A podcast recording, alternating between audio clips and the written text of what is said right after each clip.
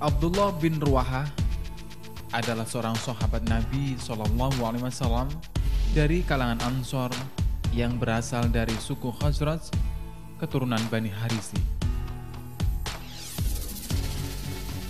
Dia dikenal sebagai penyair ulung. Ayahnya bernama Harisa bin Salabah bin Imri al-Qais dan ibunya bernama Qabsa binti Waqid. Dia mempunyai beberapa nama panggilan, antara lain Abu Muhammad, Abu Ruwaha, dan Abu Amr. Abdullah bin Ruwaha termasuk di antara tiga penyair Rasulullah. Dua orang lainnya adalah Ka'ab bin Malik dan Hasan bin Sabit. Keduanya pun orang Ansor. Abdullah bin Ruwaha memeluk Islam setelah mendengarkan bacaan Al-Quran Mus'ab bin Umair. Dikisahkan bahwa suatu hari, secara tidak sengaja, dia mendengar Mus'ab membacakan ayat-ayat Al-Quran dan menjelaskan ajaran-ajaran Islam. Dia tertarik mendengar penjelasannya dan merasa tidak dapat memungkiri kebenaran Islam. Ia sangat yakin bahwa apa yang didengarnya sangat layak untuk dimuliakan. Ketertarikan itu menuntunnya menemui Mus'ab untuk menyatakan keislamannya. Sejak saat itulah, dia kerap menghadiri majelis ilmu yang digelar oleh Mus'ab bin Umair. Dia menemukan ketenangan dan ketentraman di tempat yang sederhana itu. Bersama 70 laki-laki dan dua wanita muslim, Abdullah ikut berangkat ke Mekah dan menyatakan sumpah setia kepada Rasulullah di Aqobah. Bayat itu menegaskan janji yang telah mereka ucapkan di hadapan Mus'ab bin Umair. Mereka memang telah berencana untuk menemui Rasulullah pada musim haji tahun itu, tepatnya pada pertengahan hari Tasrik. Di sela-sela pertemuan tersebut, Rasulullah Shallallahu Alaihi Wasallam memerintahkan agar mereka memilih 12 pimpinan, tiga orang dari suku Aus dan sembilan orang dari suku Khazraj. Abdullah bin Ruwaha salah satunya. Dalam pertemuan itu, mereka menyatakan janji setia kepada Nabi Muhammad dan kesediaan mereka untuk melindungi dan membantu beliau Usai pertemuan mereka kembali ke Madinah untuk mengajarkan Islam kepada keluarga dan kaum masing-masing. Sejak pertemuan itu, kaum muslim di Madinah terus menunggu kedatangan Rasulullah setiap saat. Ketika beliau tiba di Madinah bersama Abu Bakar, seluruh penduduk Madinah, lelaki maupun perempuan, tua maupun muda, Begitu juga anak-anak berhamburan ke gerbang Madinah untuk menyambut beliau. Mereka berbaur menyambut kedatangan sang tamu agung. Hari itu adalah hari paling bersejarah bagi penduduk Madinah. Nabi Muhammad pernah bersabda kepada Abdullah bin Ruwaha dan kedua sahabatnya sesama penyair, Ka'ab bin Malik dan Hasan bin Sabit. Bantahlah kaum Quraisy, sungguh bantahan kalian itu berpengaruh bagi mereka melebihi tusukan tombak. Ucapan Rasulullah Shallallahu Alaihi Wasallam itu membuat mereka berbinar-binar bahagia dengan segala kecakapan mereka berupaya menaati perintah beliau. Pada suatu hari, saat bertemu Rasulullah Shallallahu Alaihi Wasallam, Abdullah bin Ruwahah melantunkan syair.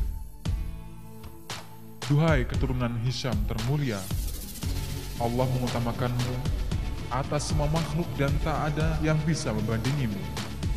Aku selalu berpikir baik tentangmu dengan firasat berbeda dari firasatku kepada mereka yang lalim dan sesat. Jika kau meminta tolong pada sebagian mereka, niscaya mereka tak akan pernah sudi membantumu. Engkaulah Nabi yang syafaatnya dinanti di hari kiamat. Allah meneguhkan ajaran yang kau bawa sebagaimana dia meneguhkan dan membantu Musa yang tercinta.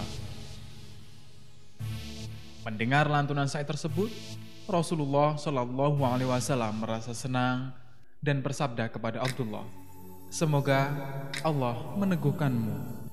Abdullah bin Ruahah juga dikenal sebagai sahabat yang sangat takwa dan warok.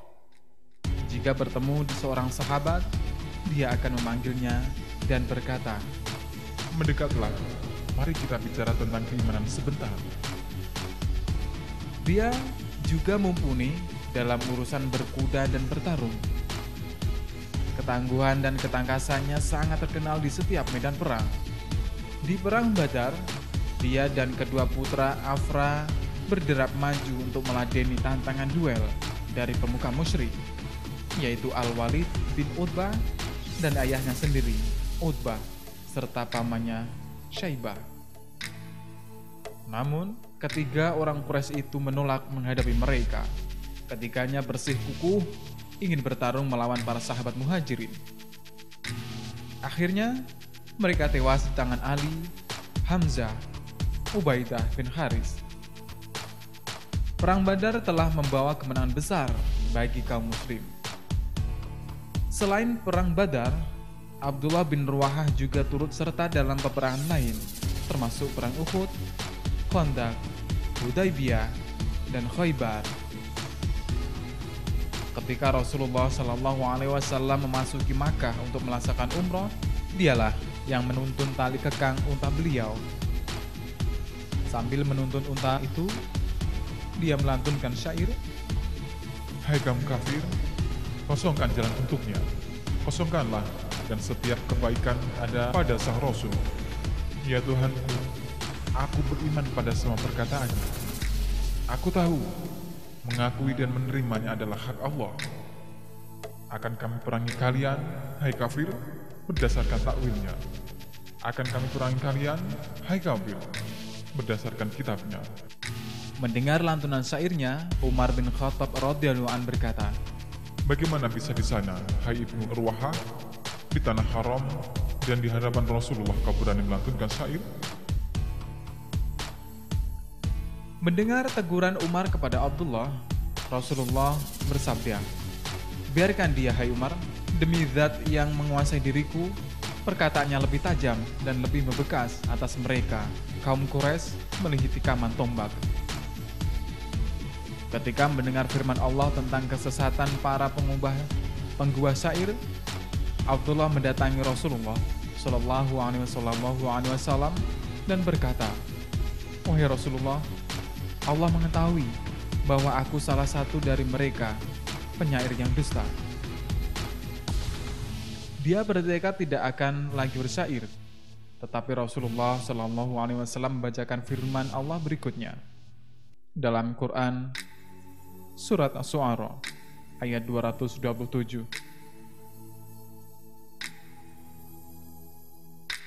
Yang artinya, kecuali orang yang penyair, orang penyair yang beriman dan beramal solih dan banyak menyebut Allah dan mendapat kemenangan sesudah menderita kedoliman.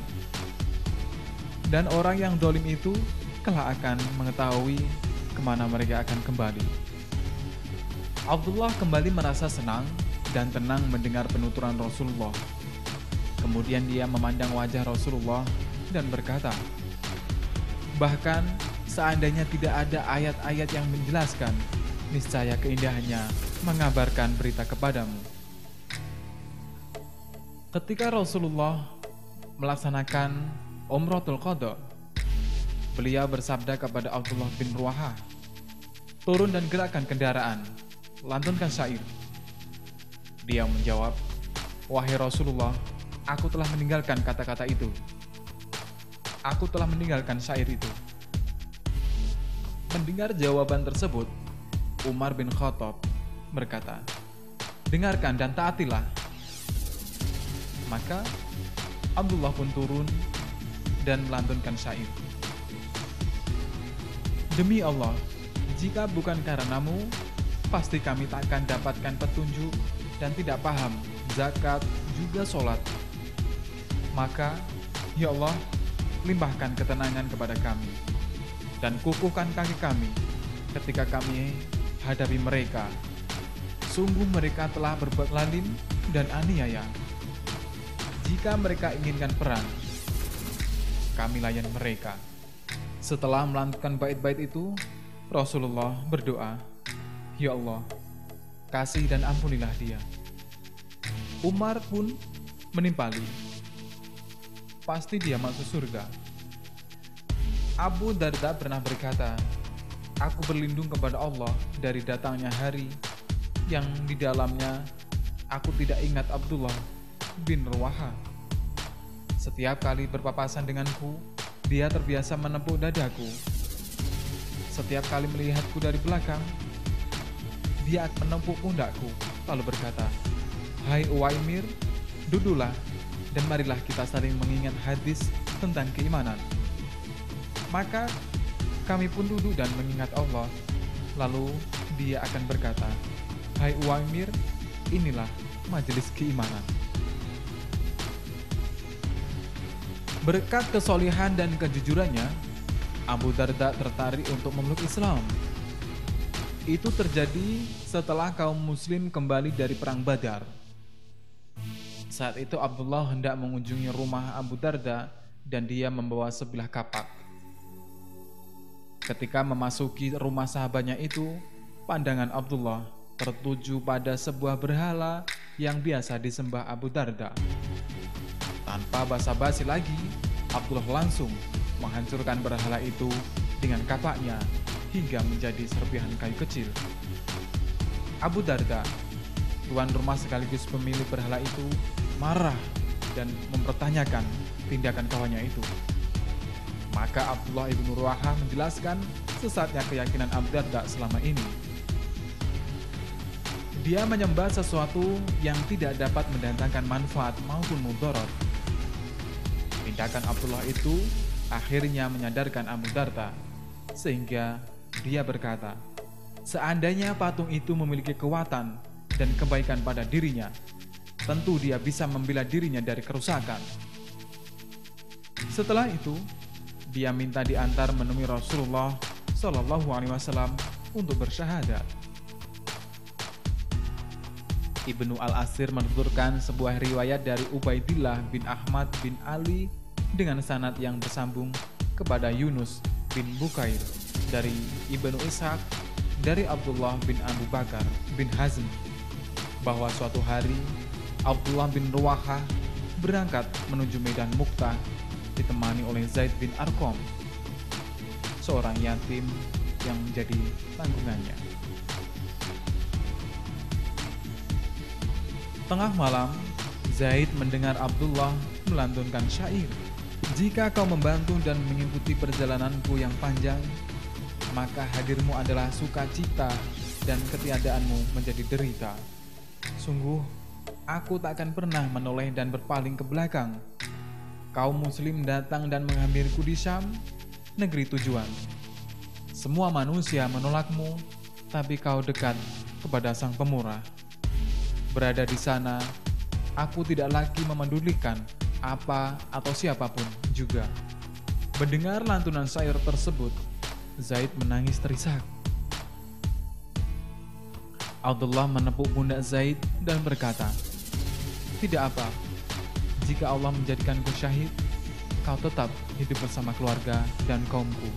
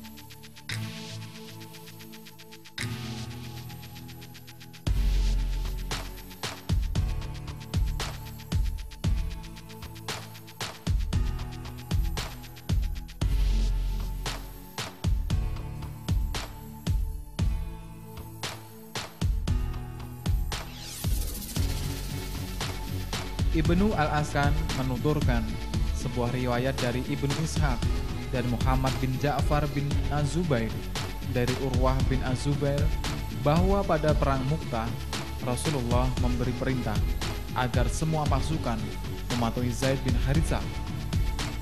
Jika dia gugur, komando dipegang Ja'far bin Abu Thalib. Jika Ja'far gugur, komando digantikan oleh Abdullah bin Ruaha. Lalu, jika Abdullah juga gugur, hendaklah mereka memilih salah seorang sebagai pimpinan. Pasukan itu pun siap-siap berangkat. Mereka berpamitan kepada para pemimpin pasukan yang telah ditetapkan oleh Rasulullah, tak kecuali kepada Abdullah bin Ruaha. Ketika melihat Abdullah menangis, mereka bertanya, "Apa yang membuatmu nangis, wahai ibnu Ruaha?" Dia menjawab, "Demi Allah, sedikit pun tidak ada rasa cinta kepada dunia dalam diriku. Tapi aku mendengar Rasulullah membaca firman Allah yang artinya, dan tidak ada seorang pun di antara kalian kecuali mendatangi neraka itu. Sungguh, bagi Tuhanmu itu adalah kemestian yang sudah ditetapkan. Quran Surat Maryam ayat 71 Sungguh, aku tidak tahu apa yang kulakukan ketika memasukinya. Kaum muslimin berkata, Allah bersama kalian, dan dia akan mengembalikan kalian kepada kami sebagai orang solih dan akan membela kalian. Kemudian Abdullah berpamitan kepada Rasulullah. Seluruh pasukan kemudian berangkat menuju medan perang hingga mereka tiba di daerah Ma'an. Mereka mendengar kabar bahwa Kaisar Heraklius membawa 100.000 pasukan Roma ditambah 100.000 pasukan Arab pasukan muslim berhenti di Ma'an untuk beristirahat. Di sela-sela waktu, mereka berbincang-bincang tentang perang yang akan mereka hadapi. Mereka berunding apakah akan melanjutkan perjalanan menuju Syam ataukah bertahan lebih dulu dan mengirim utusan ke Madinah meminta tambahan pasukan.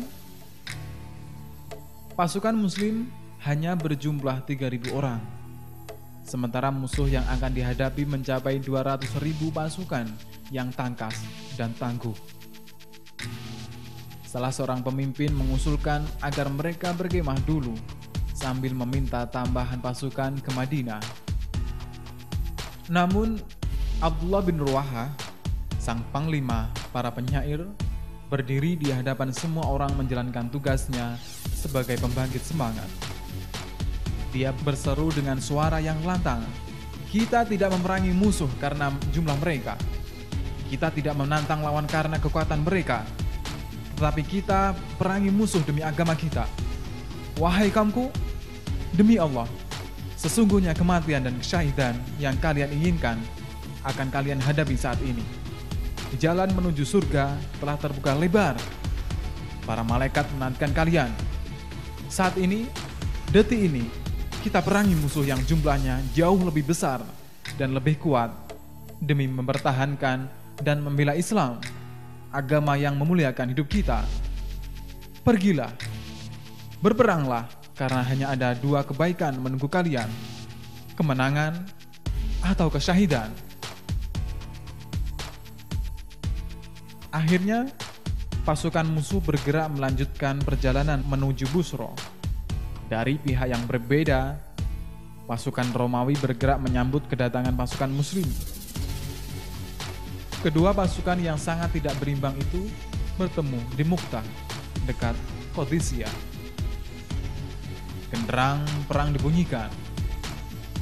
Kedua pasukan bertempur dengan hebat. Pasukan Muslim dipimpin oleh Zaid bin Harithah. Dia memegang panji Islam dengan kukuh namun seorang pemanah musuh melemparkan anak panahnya yang menjatuhkannya dari kuda. Dia terbunuh dalam serangan pertama itu. Panji kaum muslim terjatuh dan diambil oleh Ja'far bin Abu Talib. Dia loncat dari kudanya lalu menyerbu barisan musuh. Pedangnya bergerak kian kemari menumbangkan musuh. Satu tangannya memegang panji kaum muslim, sedang tangan lainnya membabat pedangnya. Setelah bertahan beberapa lama, seorang musuh membabat tangan kirinya sehingga panji Islam terlepas. Ja'far menggunakan tangan kanannya untuk memegang panji, seraya terus menerjang musuh dengan gagah berani. Namun tangan kanannya itu pun ditebas pedang musuh, sehingga dia mendekap panji itu dengan pangkal kedua tangannya. Sabetan pedang musuh semakin banyak mengenai tubuhnya, sehingga jatuh terkapar di atas tanah. Abdul Salam bin An-Nu'man bin Bashir menuturkan bahwa ketika Ja'far bin Abi Thalib gugur, pasukan memanggil Abdullah bin Ruahah yang berada di sisi yang lain. Dengan sigap, dia maju untuk memimpin pasukan dan bertempur gagah berani. Dia berteriak memacu semangat dirinya. Hai diri, jika kau tidak membunuh, kau akan mati terbunuh. Inilah burung kematian telah melebarkan sayapnya, panas dan membara. Apa yang kau angankan telah tercapai. Jika kau malu melakukan seperti yang mereka berdua lakukan, niscaya kau dapatkan hadiah. Jika kau terlambat, pasti kau celaka. Hai diri, apa kau khawatirkan? Istrimu? Sungguh, dia akan berpisah. Pembantumu?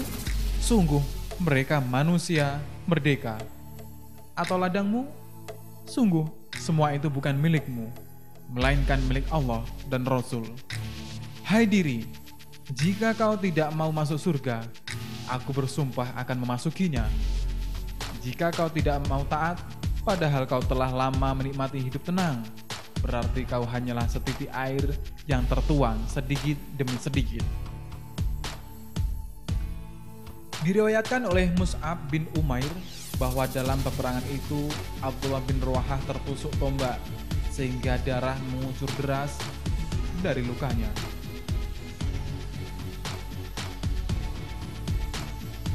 Dia sapukan darah itu ke wajahnya, lalu dia berlari menyeruak di antara dua barisan sambil berteriak, Hai sekalian muslim, menjauhlah dari daging saudara kalian. Mereka pun menyingkir dan membiarkannya menjemput kesyahidan.